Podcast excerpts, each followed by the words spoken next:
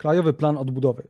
Co to jest i z czym się wiąże, a także w jaki sposób lewica weszła w pakt z czystym złem, czyli prawem i sprawiedliwością.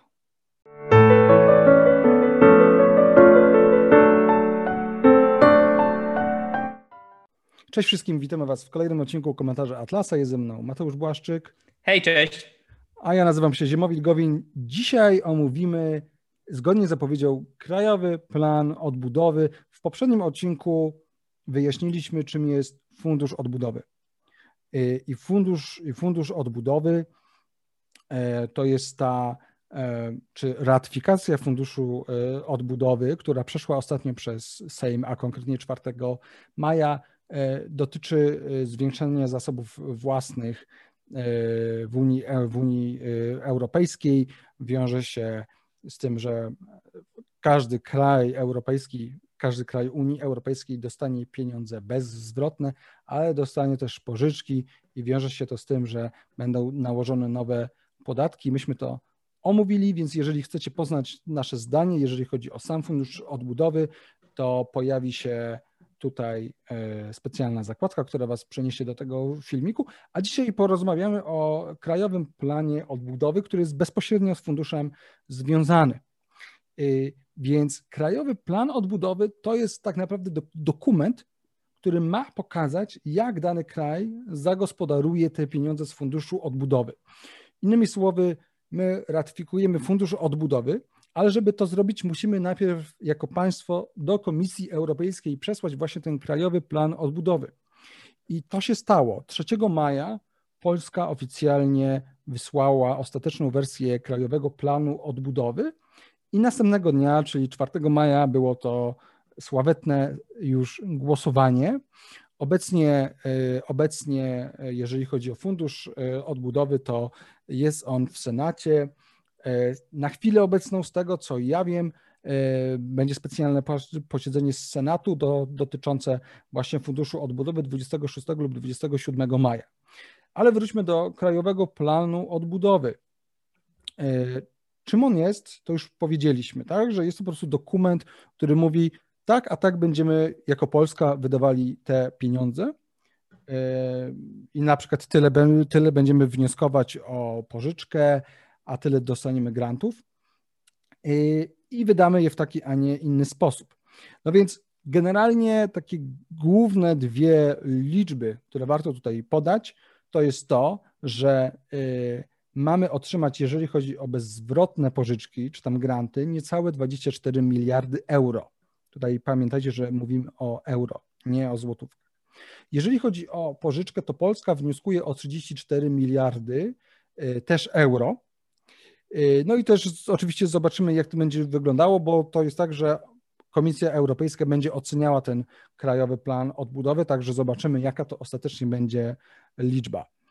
Y, Więc jeżeli chodzi jeszcze o taką ścisłość datową, to KPO, Krajowy Plan Odbudowy, został przyjęty przez rząd 30 kwietnia tego roku i przesłany do Komisji Europejskiej, jak powiedziałem, 3 maja. A czwartego było to głosowanie Funduszu Odbudowy. Ja to powtarzam tylko dlatego, że te rzeczy mogą się mylić, więc y, jakby nie mieć mi tego za złe. To jest zrozumiałe, że to wszystko może się pomylić i tak jak wspominałem w poprzednim odcinku, sami politycy się często mylą i w mediach się często mylą, bo część osób myślała, część dziennikarzy pisze, że 4 maja głosowano nad Krajowym Planem Odbudowy, co nie do końca jest e, prawdą. No dobra, ale w takim razie przejdźmy do głównych założeń e, KPO, czyli de facto spróbujmy odpowiedzieć, na co mają pójść pieniądze. Mateusz, czy mógłbyś nam to jakoś przedstawić? Pewnie. E, wszystko dotychczas powiedziane jest ważne i istotne, ale to tutaj rozgrywają się te największe, największe marzenia, nadzieje i tak dalej e, wierchuszki politycznej. Mokre sny Mateusza Morawieckiego. Mniej więcej.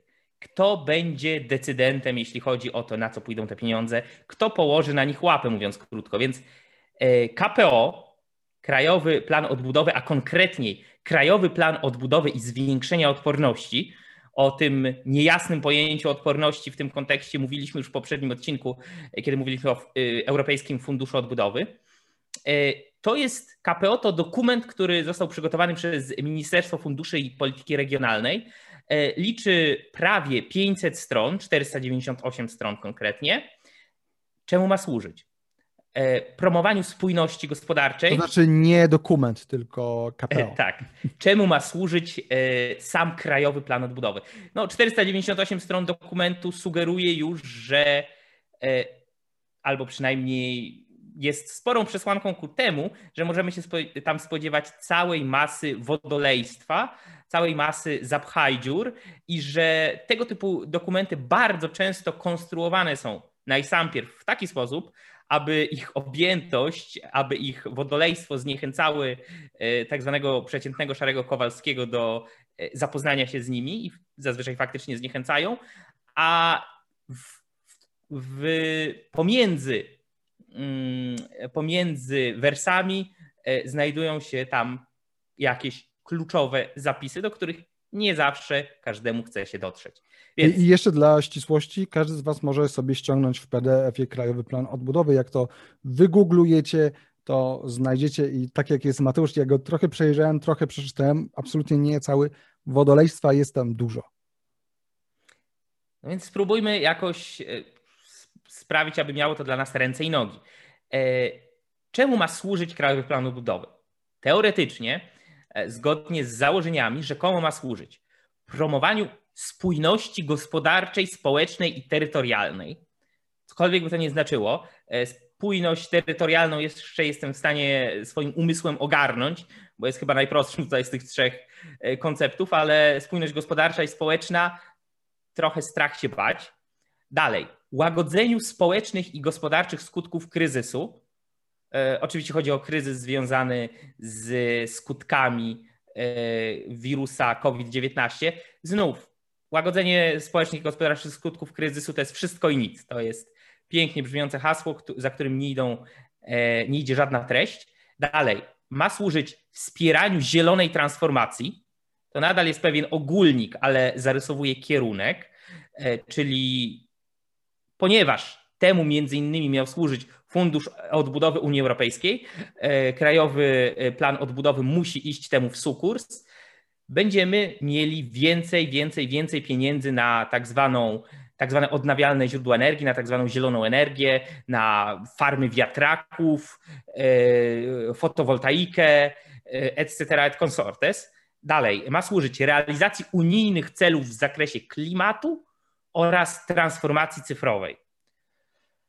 O tym też trochę mówiliśmy w poprzednim odcinku, czym miałaby być ta transformacja e, cyfrowa, o jakie cele w zakresie klimatu chodzi.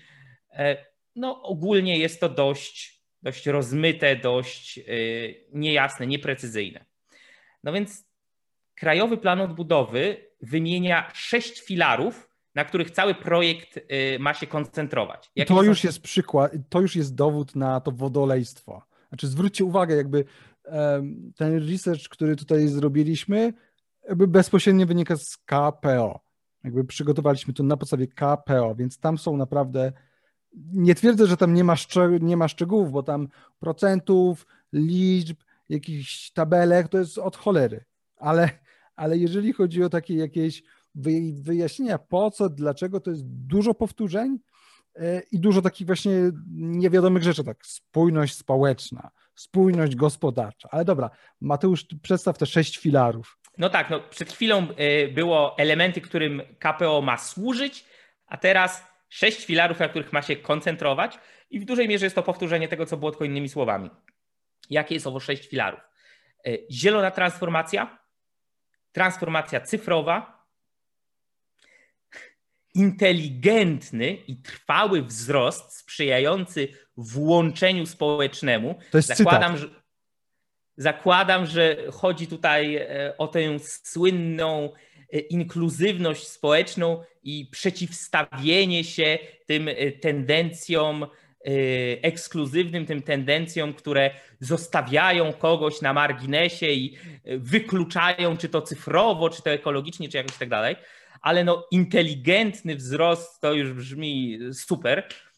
nie wiem, ja bym chciał po prostu, żeby jeśli chodzi o wzrost gospodarczy, przynajmniej żeby on był. A czy on będzie inteligentny, czy głupi? Dalej. E, spójność społeczna i terytorialna po raz kolejny. Punkt piąty. Opieka zdrowotna oraz odporność gospodarcza, społeczna i instytucjonalna. E, ja się tutaj zastanawiałem. Jako ja się... Nadal jest to ogólnik, ale jestem w stanie zrozumieć, ale społe... odporność gospodarcza, społeczna, instytucjonalna. Ja się zastanawiałem, um. czy PiS sobie sam nie strzela, bo jakbyśmy mieli odporność gospodarczą, to jak rozumiem, odporność przeciwko PiSowi, tak przed PiSem. No i odporność instytucjonalną też. Też. Tak, no przecież obecny rząd kocha rozwalanie instytucji. E, I e, ostatni z sześciu filarów, szósty, polityka na rzecz następnego pokolenia, na przykład edukacja i umiejętności jakby zróbcie sobie z tym, co chcecie, to widzowie, jest to, bo jak ciężko rozumiem, nam to nawet skomentować. Jak rozumiem, to jest to pokolenie 2028-58, które będzie spłacało. Które będzie spłacało, tak. tak. Także, także no to jest te sześć filarów.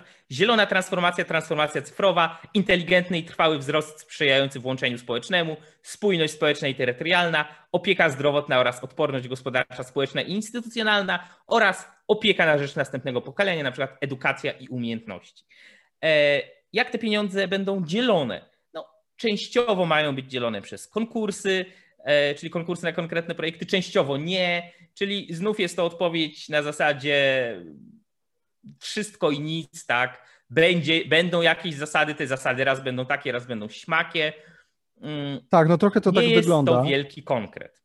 I tak, to jest śmieszne, że przy, bo ja też sprawdzałem różne, jakby szukałem jakichś wypowiedzi ekspertów y, co do tego krajowego planu odbudowy, no i faktycznie wiele, wiele osób twierdzi, że jest tam tak naprawdę duża furtka do tak naprawdę przepychania różnych rzeczy, które, że po prostu ze, ze względu na niejasność różnych zapisów KPO, yy, ze, jakby ze względu na to, że one są niejasne, to istnieje możliwość tak naprawdę różnego takich, wie, wiecie, fikołków, kombinowania, mm, więc jak to w praktyce będzie wyglądało, to naprawdę zobaczymy.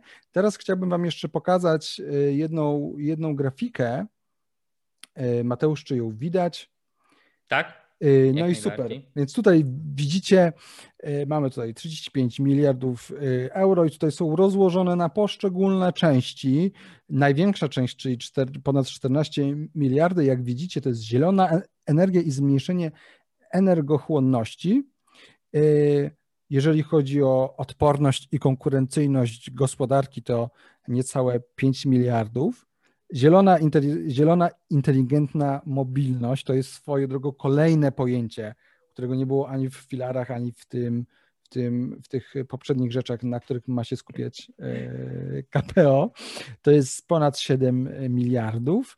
Efektywność, dostępność i jakość ochrony, jakość systemu ochrony zdrowia, no to to rozumiem, tak? Po prostu system zdrowia 4,5 miliarda i transformacja cyfrowa niecałe 5 miliardów euro. No i odporność i konkurencyjność jeszcze, tak? Tak, to już, to już czytałem, że też niecałe 5 miliardów. No i tutaj też macie. Um, oczywiście dla tych, którzy słuchają nas na Spotify, to tej grafiki nie możecie zobaczyć, ale y, tak naprawdę wiele nie, wiele nie tracicie. Mm, wystarczy to, co już tutaj przeczytałem. Tutaj jeszcze jest podzielone na to, które to są alokacje z części pożyczkowej, a która to jest alokacja z części grantowej. No dobra. E, no, można by to podsumować, że ponad połowa, przynajmniej teoretycznie, zgodnie z tymi założeniami, jak to będzie w praktyce, przekonamy się w przyszłości, ale ponad połowa tych pieniędzy pójdzie na, albo przynajmniej ma iść na szeroko rozumianą zieloną politykę, szeroko rozumianą e, ekologię, szeroko rozumiane odnawialne środki energii, e, a nie na cokolwiek innego. I... To, to, to jakby już widać, tak? Już w tych założeniach, jakkolwiek by one nie były enigmatyczne i e, niejasne i zagmatwane, to no pierwsza rzecz, którą widać, ponad 20 tysięcy z tych 35 idzie właśnie na to. 20 e, ty tysięcy? Yy, nie tysięcy. 20 miliardów. No, człowiek może pomarzyć. 20 miliardów, przepraszam. Tak, a i słuchajcie, to tutaj jeszcze jedna rzecz, bo y, tak naprawdę w mediach trudno się połapać, jak to ma wyglądać w praktyce. I na przykład, no ja znalazłem informację, że bez zwrotnych pożyczek ma być 24 miliardy, dodatkowe 34 miliardy euro. Y, to mają być te pożyczki, które trzeba będzie zwracać. Znaczy, Na... umówmy się, pożyczki i dotacje, tak, żeby nie mylić. Tak, dobrze. No bo bezzwrotne miliardy, pożyczki to jest, to jest dotacja, tak. No. 24 miliardy dotacji i 34 miliardy euro pożyczek. Natomiast w tej grafice, którą ja przedstawiłem, to jest, y, to jest niecałe 36 miliardów euro. No a 24 plus 34 to jest troszeczkę więcej, więc jest bardzo duża, bardzo duża rozbieżność pomiędzy, pomiędzy, jednym, pomiędzy jednym i drugim. I przyznam szczerze, że jest to mocno niepokojące, bo jeżeli, y, jeżeli jest tak, że w sumie z, w KPO tak naprawdę tych pieniędzy Polska dostanie w sumie 35 miliardów euro, czy tam 36, to to znaczy, że zadłużenie, że przepraszam, że pożyczki będą mniejsze, co ja osobiście uważam, że no byłoby lepsze. Ale tak jak powiedziałem, różnie, różnie źródła pokazują. To jest źródło z KPO, e, ale nie wiem, czy tam coś zostało dopisane, czy jest jakiś błąd komunikacyjny, no ale przedstawiamy Wam to, co to, co widzimy i to, co czytamy. No dobra, to może Mateusz, przejdźmy do jakichś takich, bo wiecie, ze względu na to, że tam to nie jest tak, że tam są konkretne projekty, że na przykład 30 milionów pójdzie na szkoły na Podkarpaciu. Tam nie ma takich rzeczy.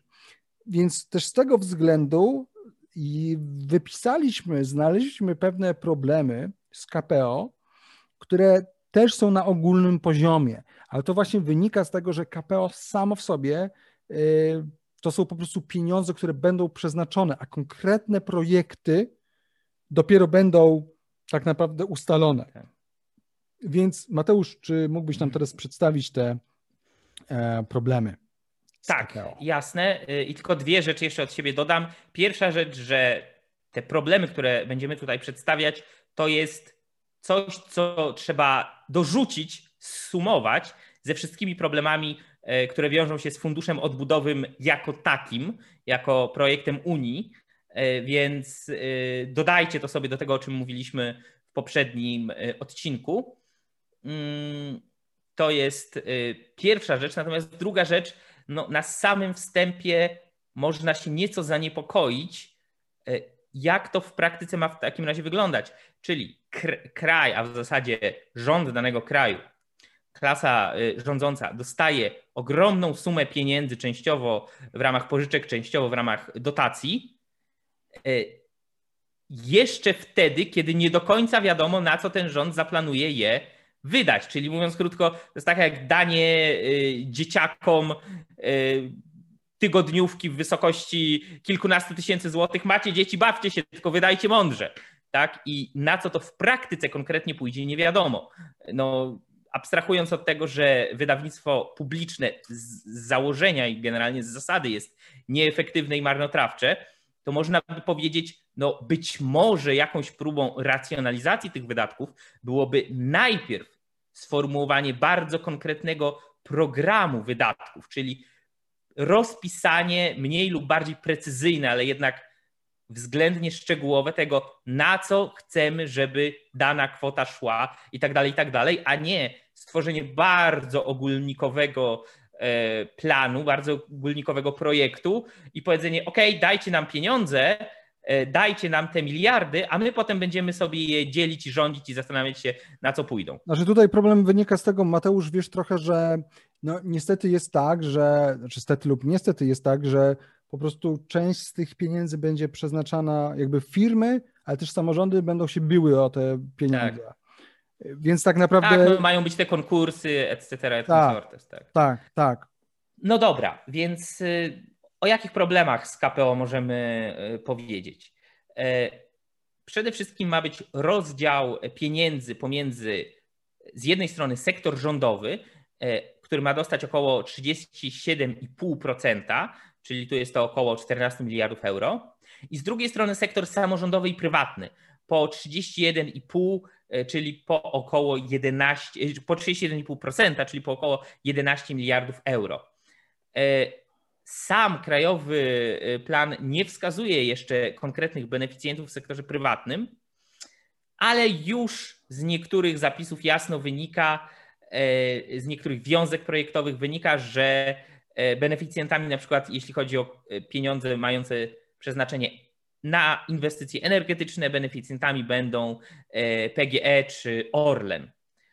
E, ale inną kwestią jeszcze są pieniądze pochodzące z pożyczek, e, bo dla samorządów ponad połowa, aż 55% ma pochodzić z pożyczek, a dla rządu jedynie 20%.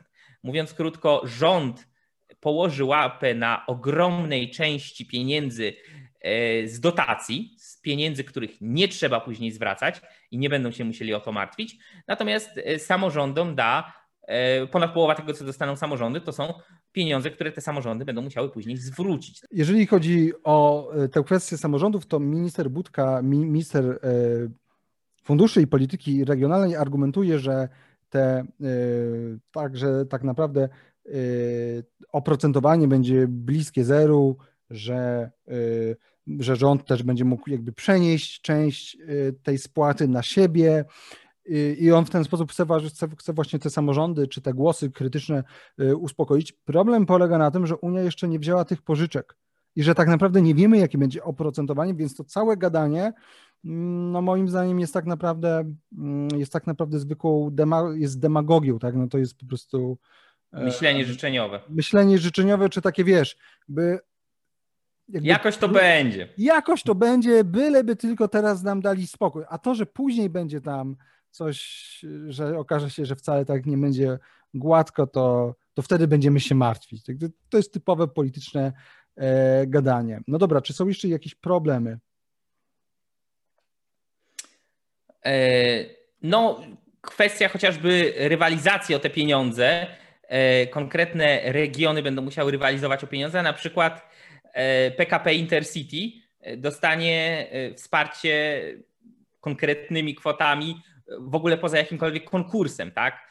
Podobnie sytuacja ma mieć miejsce w przypadku pieniędzy dla Centralnego Portu Komunikacyjnego. Więc no jakby no tutaj wiele nie trzeba dodawać, są po prostu równi i równiejsi. Ci, którzy są większymi pupilkami aktualnie rządzącej partii i polityków będących w wierchuszce e, będą mieli życie jak w Madrycie, reszta będzie musiała bić się o ochłapy, e, mówiąc tak bardziej obrazowo.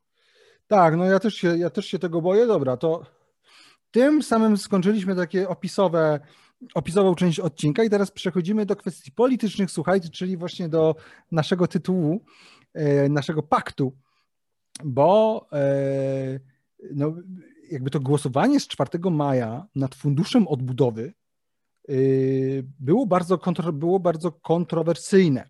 Więc zacznijmy od wyjaśnienia, o co chodzi. Otóż chodzi o to, że opozycja miała plan, a przynajmniej część opozycji miała plan, żeby cała opozycja yy, zaszachowała Kaczyńskiego, zaszachowała PiS i powiedziała, że słuchaj, Solidarna Polska mówi wprost, że nie poprze funduszu odbudowy. Co też się stało.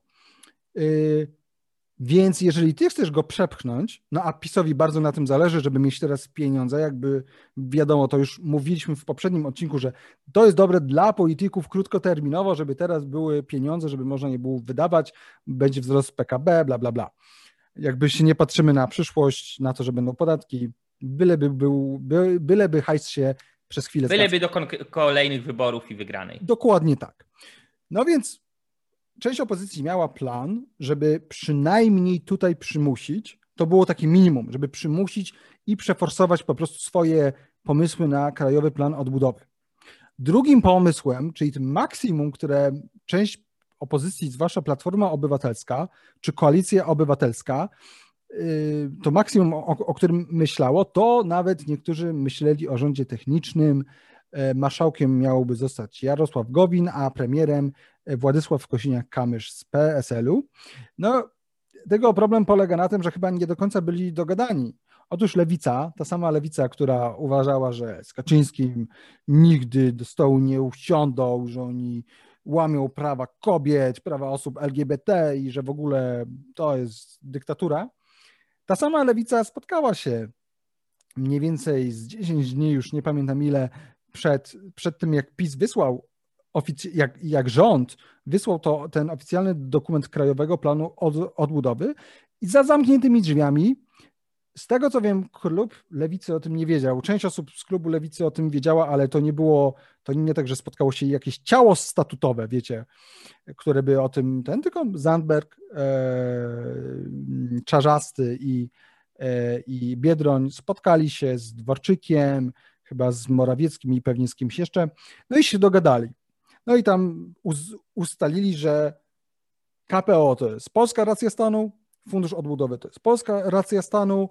E, też trochę wy, wy, wyprzedzając już to, co powiem, bo oczywiście były duże zarzuty wobec lewicy, że ona to zrobiła, że zdradziła opozycję, że, współ, że współpracuje z PiSem, że tak naprawdę. No ale wielcy patrioci, no wielcy patrioci to trzeba im wybaczyć. Tak to lewica mówi w ten sposób, że no tak, ale tak naprawdę fundusz odbudowy nie dotyczył praw kobiet ani ten, tylko po prostu pieniędzy, więc my chcemy, żeby te pieniądze trafiły do Polaków. Zresztą i tak opozycja miała głosować za.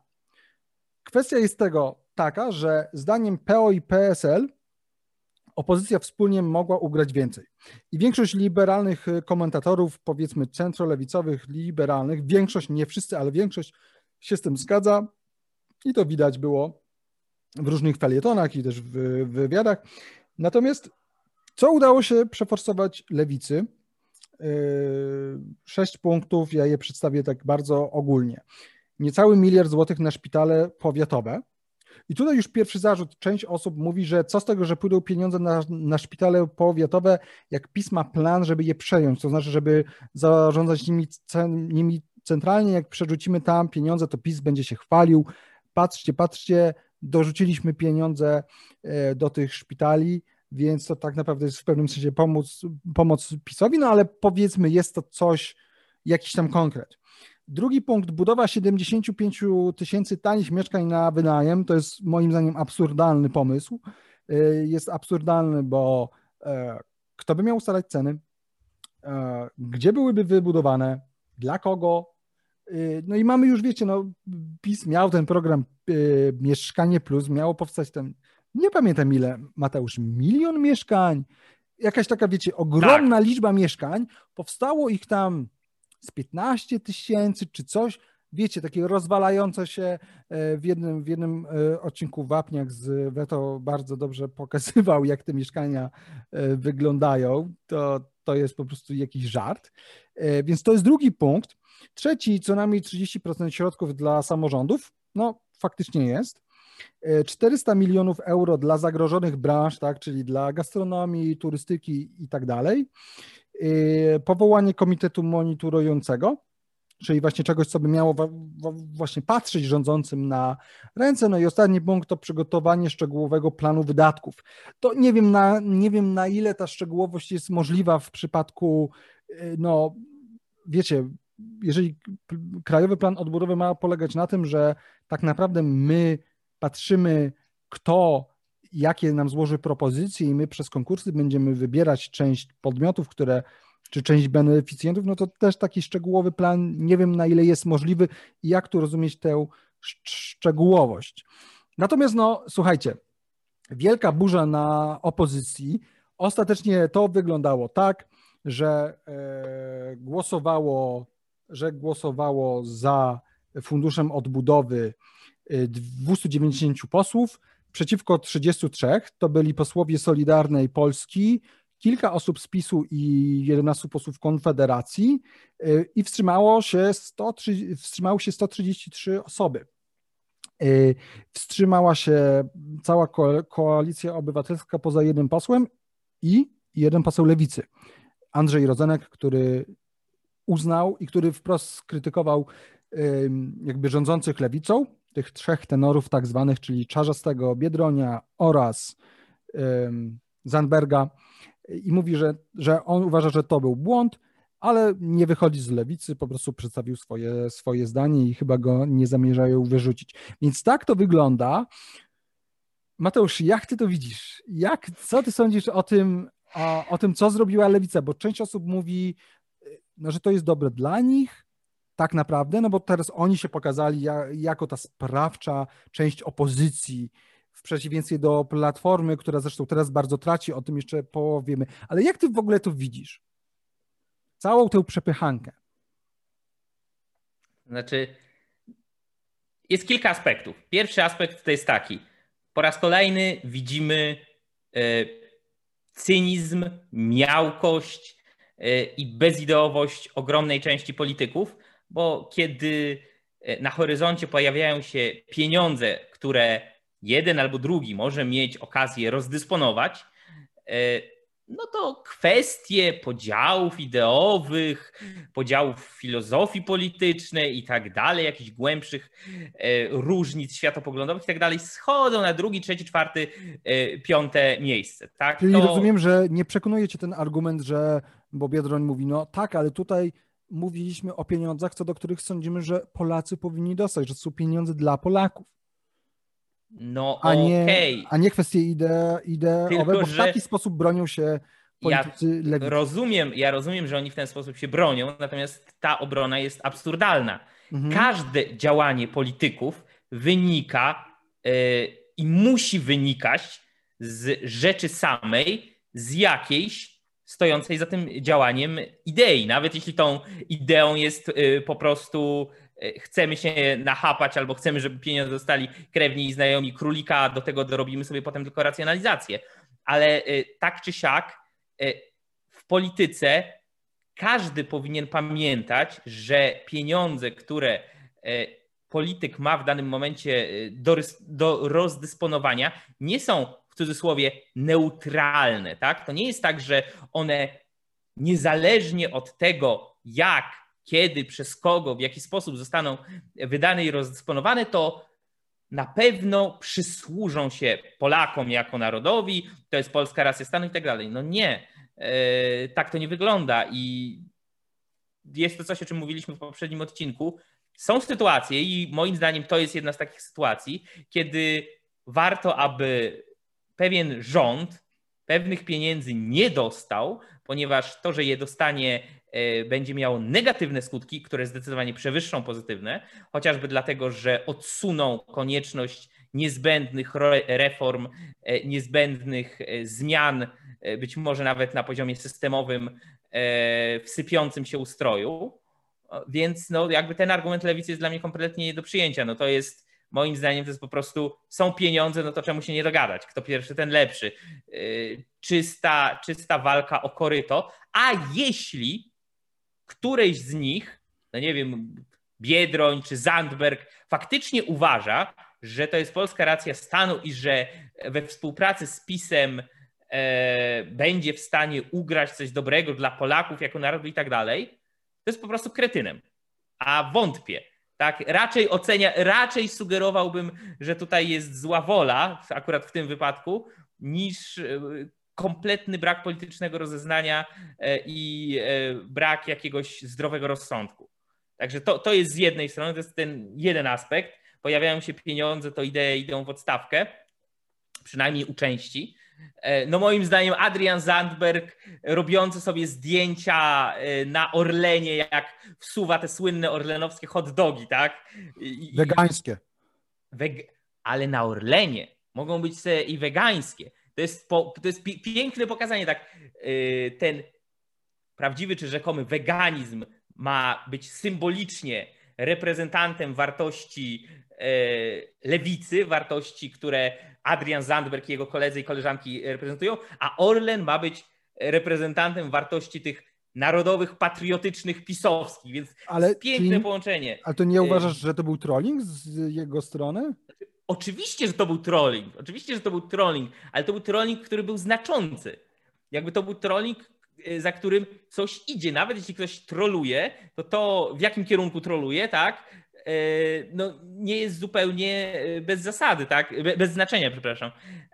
I w tym momencie uważam, że ten, tym trollingiem całkiem nieźle jest to całkiem niezła, niezły obraz tego, czego możemy się spodziewać. A szczerze mówiąc, na chwilę obecną ciężko mi sobie wyobrazić gorszy scenariusz dla Polski niż jakieś potencjalne, jeszcze większe zbliżenie się e, środowisk Zjednoczonej Prawicy i środowisk e, lewicy. Czyli no, szczerze, na, na chwilę obecną nie umiem sobie wyobrazić chyba niczego gorszego, co mogłoby nastąpić w przededniu przyszłych wyborów. Tak, i też może warto wspomnieć, i tak to zapewne wszyscy nasi widzowie i słuchacze wiedzą, że lewica jakby ręka w rękę z PiSem głosuje za podwyższaniem podatków.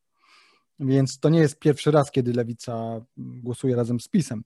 No dobra, to, to, to okej. Okay. No i ale okazuje się, że, plat, że Platforma z tym całym swoim wytykaniu lewicy, tak, niektórzy z Platformy czy z Koalicji Obywatelskiej są ostrzejsi, inni mniej, tak? Sikorski nazwał to paktem Ribbentrop-Mołotow. Niektórzy mówili, że lewica zdradziła. PSL ostatecznie zagłosował za, tak, Platforma się wstrzymała, ale to Platformie chyba niezbyt przysporzyło ostatnie, ostatnie badania. Mm, ostatnie y, badania pokazują, że Platforma ma jakieś 15%. Y, oczywiście ta tendencja spadkowa już była jeszcze wcześniej, a Hołownia no już ma 20%, więc y, na chwilę obecną, przynajmniej jeśli chodzi o sondaże, to Polska 2050 y, sondażowo jest liderem opozycji. No na pewno... Polska, Polska 2050, przypomnijmy, nadal będzie jeszcze spłacać y, pożyczki z Funduszu Odbudowy, bo aż do 2058, także tak tylko to pozdrawiam prawda. Hołownię. To prawda. No i słuchajcie, i, i, i to, co mnie, i to, co jest ciekawe, to to, że tak naprawdę po tym wstrzymaniu się e, od głosu w 4 maja, tak? a przypomnijmy, Platforma od początku, cała opozycja poza Konfederacją, a w rządzie poza Solidarną Polską, była za funduszem od, odbudowy, tylko po prostu chcieli mieć wpływ na krajowy plan odbudowy, co im nie, nie wyszło przez lewicę. I to, co jest ciekawe, to to, że ostatnio na dniach został wysłany list do członków Platformy, oczywiście publiczny, ale do członków Platformy, podpisany przez 51 parlamentarzystów PO czy KO, tak?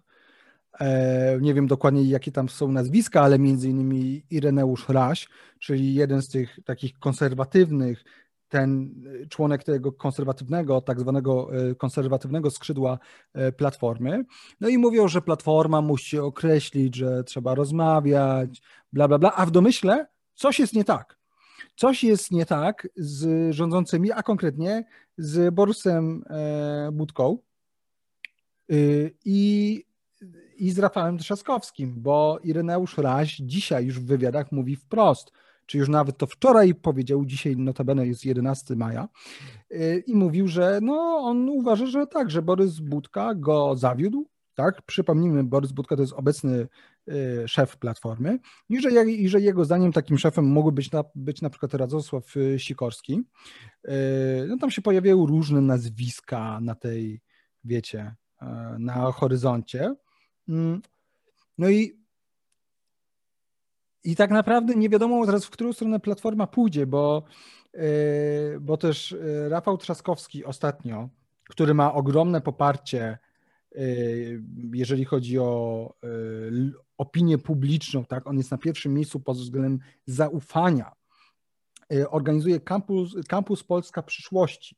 Wielu polityków Platformy mówi, nie wiemy co to jest. Nie ma tam loga Platformy. Czy to jest zapowiedź jakiejś nowej partii? Czemu młodzieżówka Platformy która się chyba nazywa Młodzi Demokraci, w tym nie, w tym nie biorą y, udziału. Więc to jest ciekawe, czy to jest początek rozkładu albo jakichś poważniejszych zmian w y, platformie, bo jeszcze, żeby dodać mm, do tego całego y, miszmaszu, to Bronisław Komorowski wprost mówi, że no, jemu się nie podoba to, w jaką stronę idzie platforma, że idzie y, mocno w stronę centrolewicową i dlatego on będzie popierał, a przynajmniej patronował y, temu, co tworzy teraz PSL, czyli tam jakaś ta nowa polska chadecja, taka centroprawica, czyli, tak, czyli taki demokracja, konserwatyzm, wiecie. I mnie zastanawia. Oczywiście zobaczymy, jak to będzie rozegrane, czy, czy Budka się utrzyma, zobaczymy, co będzie chciał Trzaskowski, ale no znowu, ciekawi mnie, jak ty to widzisz. Znaczy tak, y, zaczynając od tego, że to z mojej perspektywy to są trochę takie Michałki jednak, że jakby okej, okay, ale, ale to nie jest klub programu, ale jeśli miałbym y, skomentować, no to wydaje mi się, że tutaj upadek platformy rozkład, może upadek, rozkład, tak? rozprzężenie i e, porozrywanie platformy przez jakieś inne formacje, inne ugrupowania i całej koalicji obywatelskiej, to widać było od dawna i to jest już tylko kwestia czasu i raczej już chyba nie ma mm, możliwości zastopowania tego. E, jedną z przyczyn e, jest to, co kiedyś Platformie zapewniło no, całkiem długie rządy i prezydenturę Komorowskiego, a mianowicie ta ich miałkość, ta ich absolutna bezpłciowość ideowa, e, ta, ta, to bycie partią ciepłej wody w kranie e, i niczego ponad to. A dlaczego? Dlatego, że e, sytuacja między innymi ze względu na koronawirusa, między innymi ze względu na reakcję na koronawirusa w zasadzie wszystkich państw świata, ze względu na lockdowny, ze względu na problemy gospodarcze, sytuacja y, no, idzie w stronę kryzysu, tak?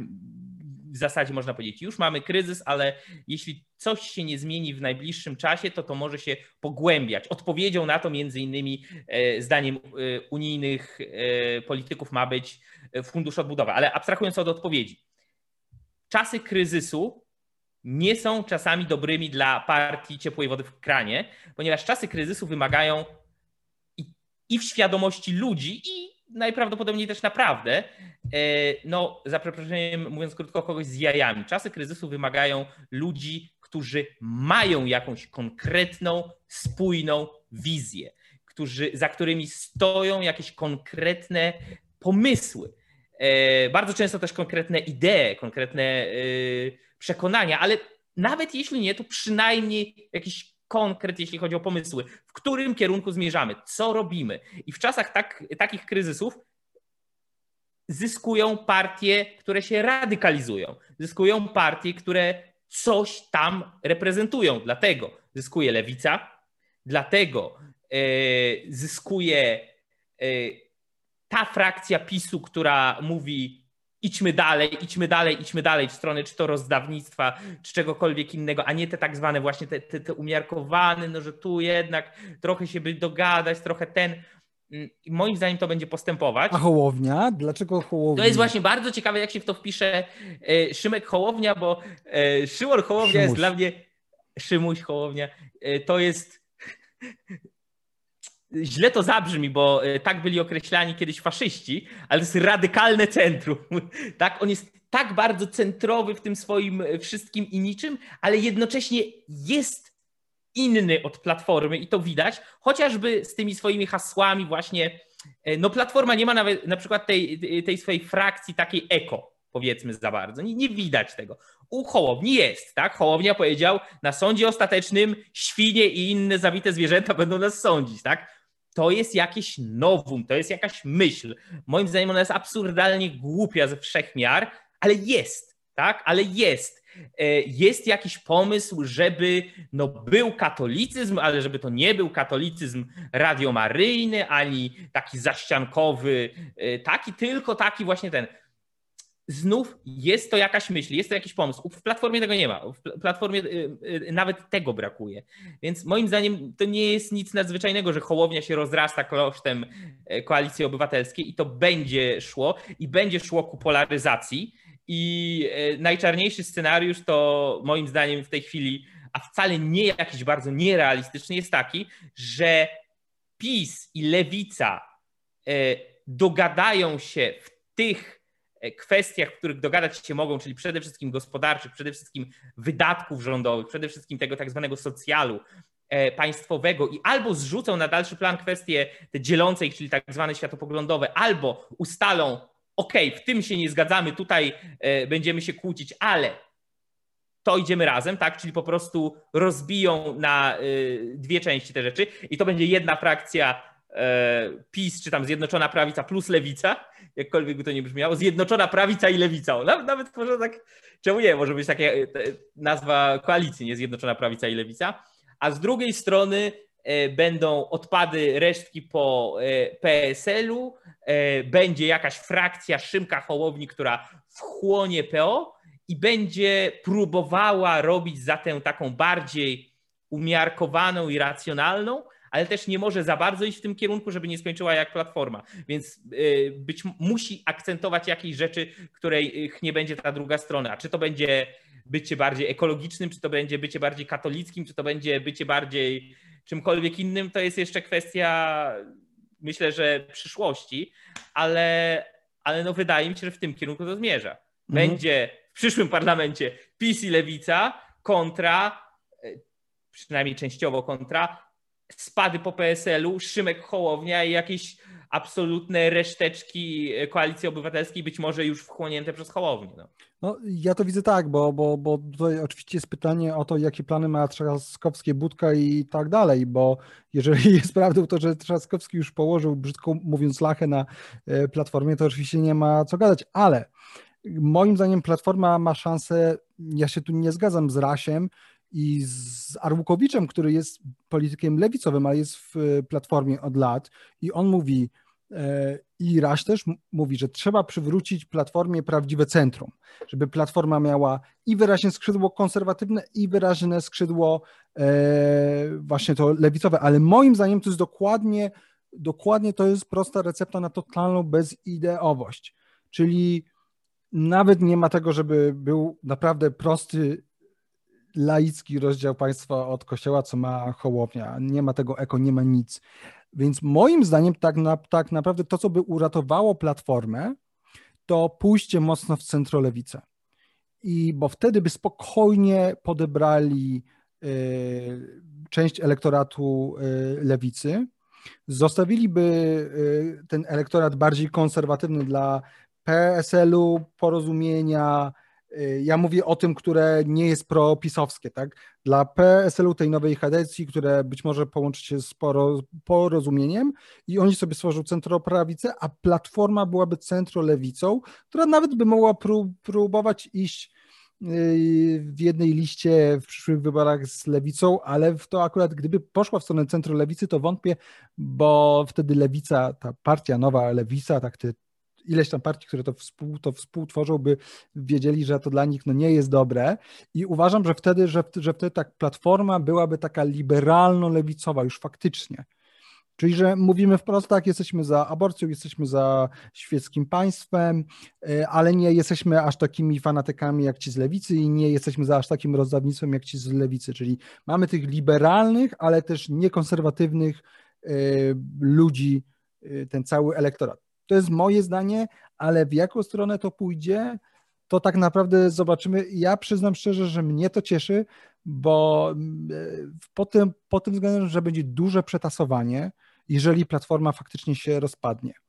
Albo jeżeli się nie rozpadnie, to moim zdaniem jedynym, jedyną możliwością, żeby się nie rozpadła, to jest właśnie pójście w stronę centrolewicy, a to oznacza, a to oznacza, że wtedy moim zdaniem wtedy lewica będzie traciła. I dlatego to też uważam, że byłoby dobre i też dlatego mnie to cieszy. Ale dlaczego uważasz, że lewica będzie. Bo uważam, że lewica będzie traciła, jeżeli platforma się określi jako partia, jak, jako partia centro-lewicowa.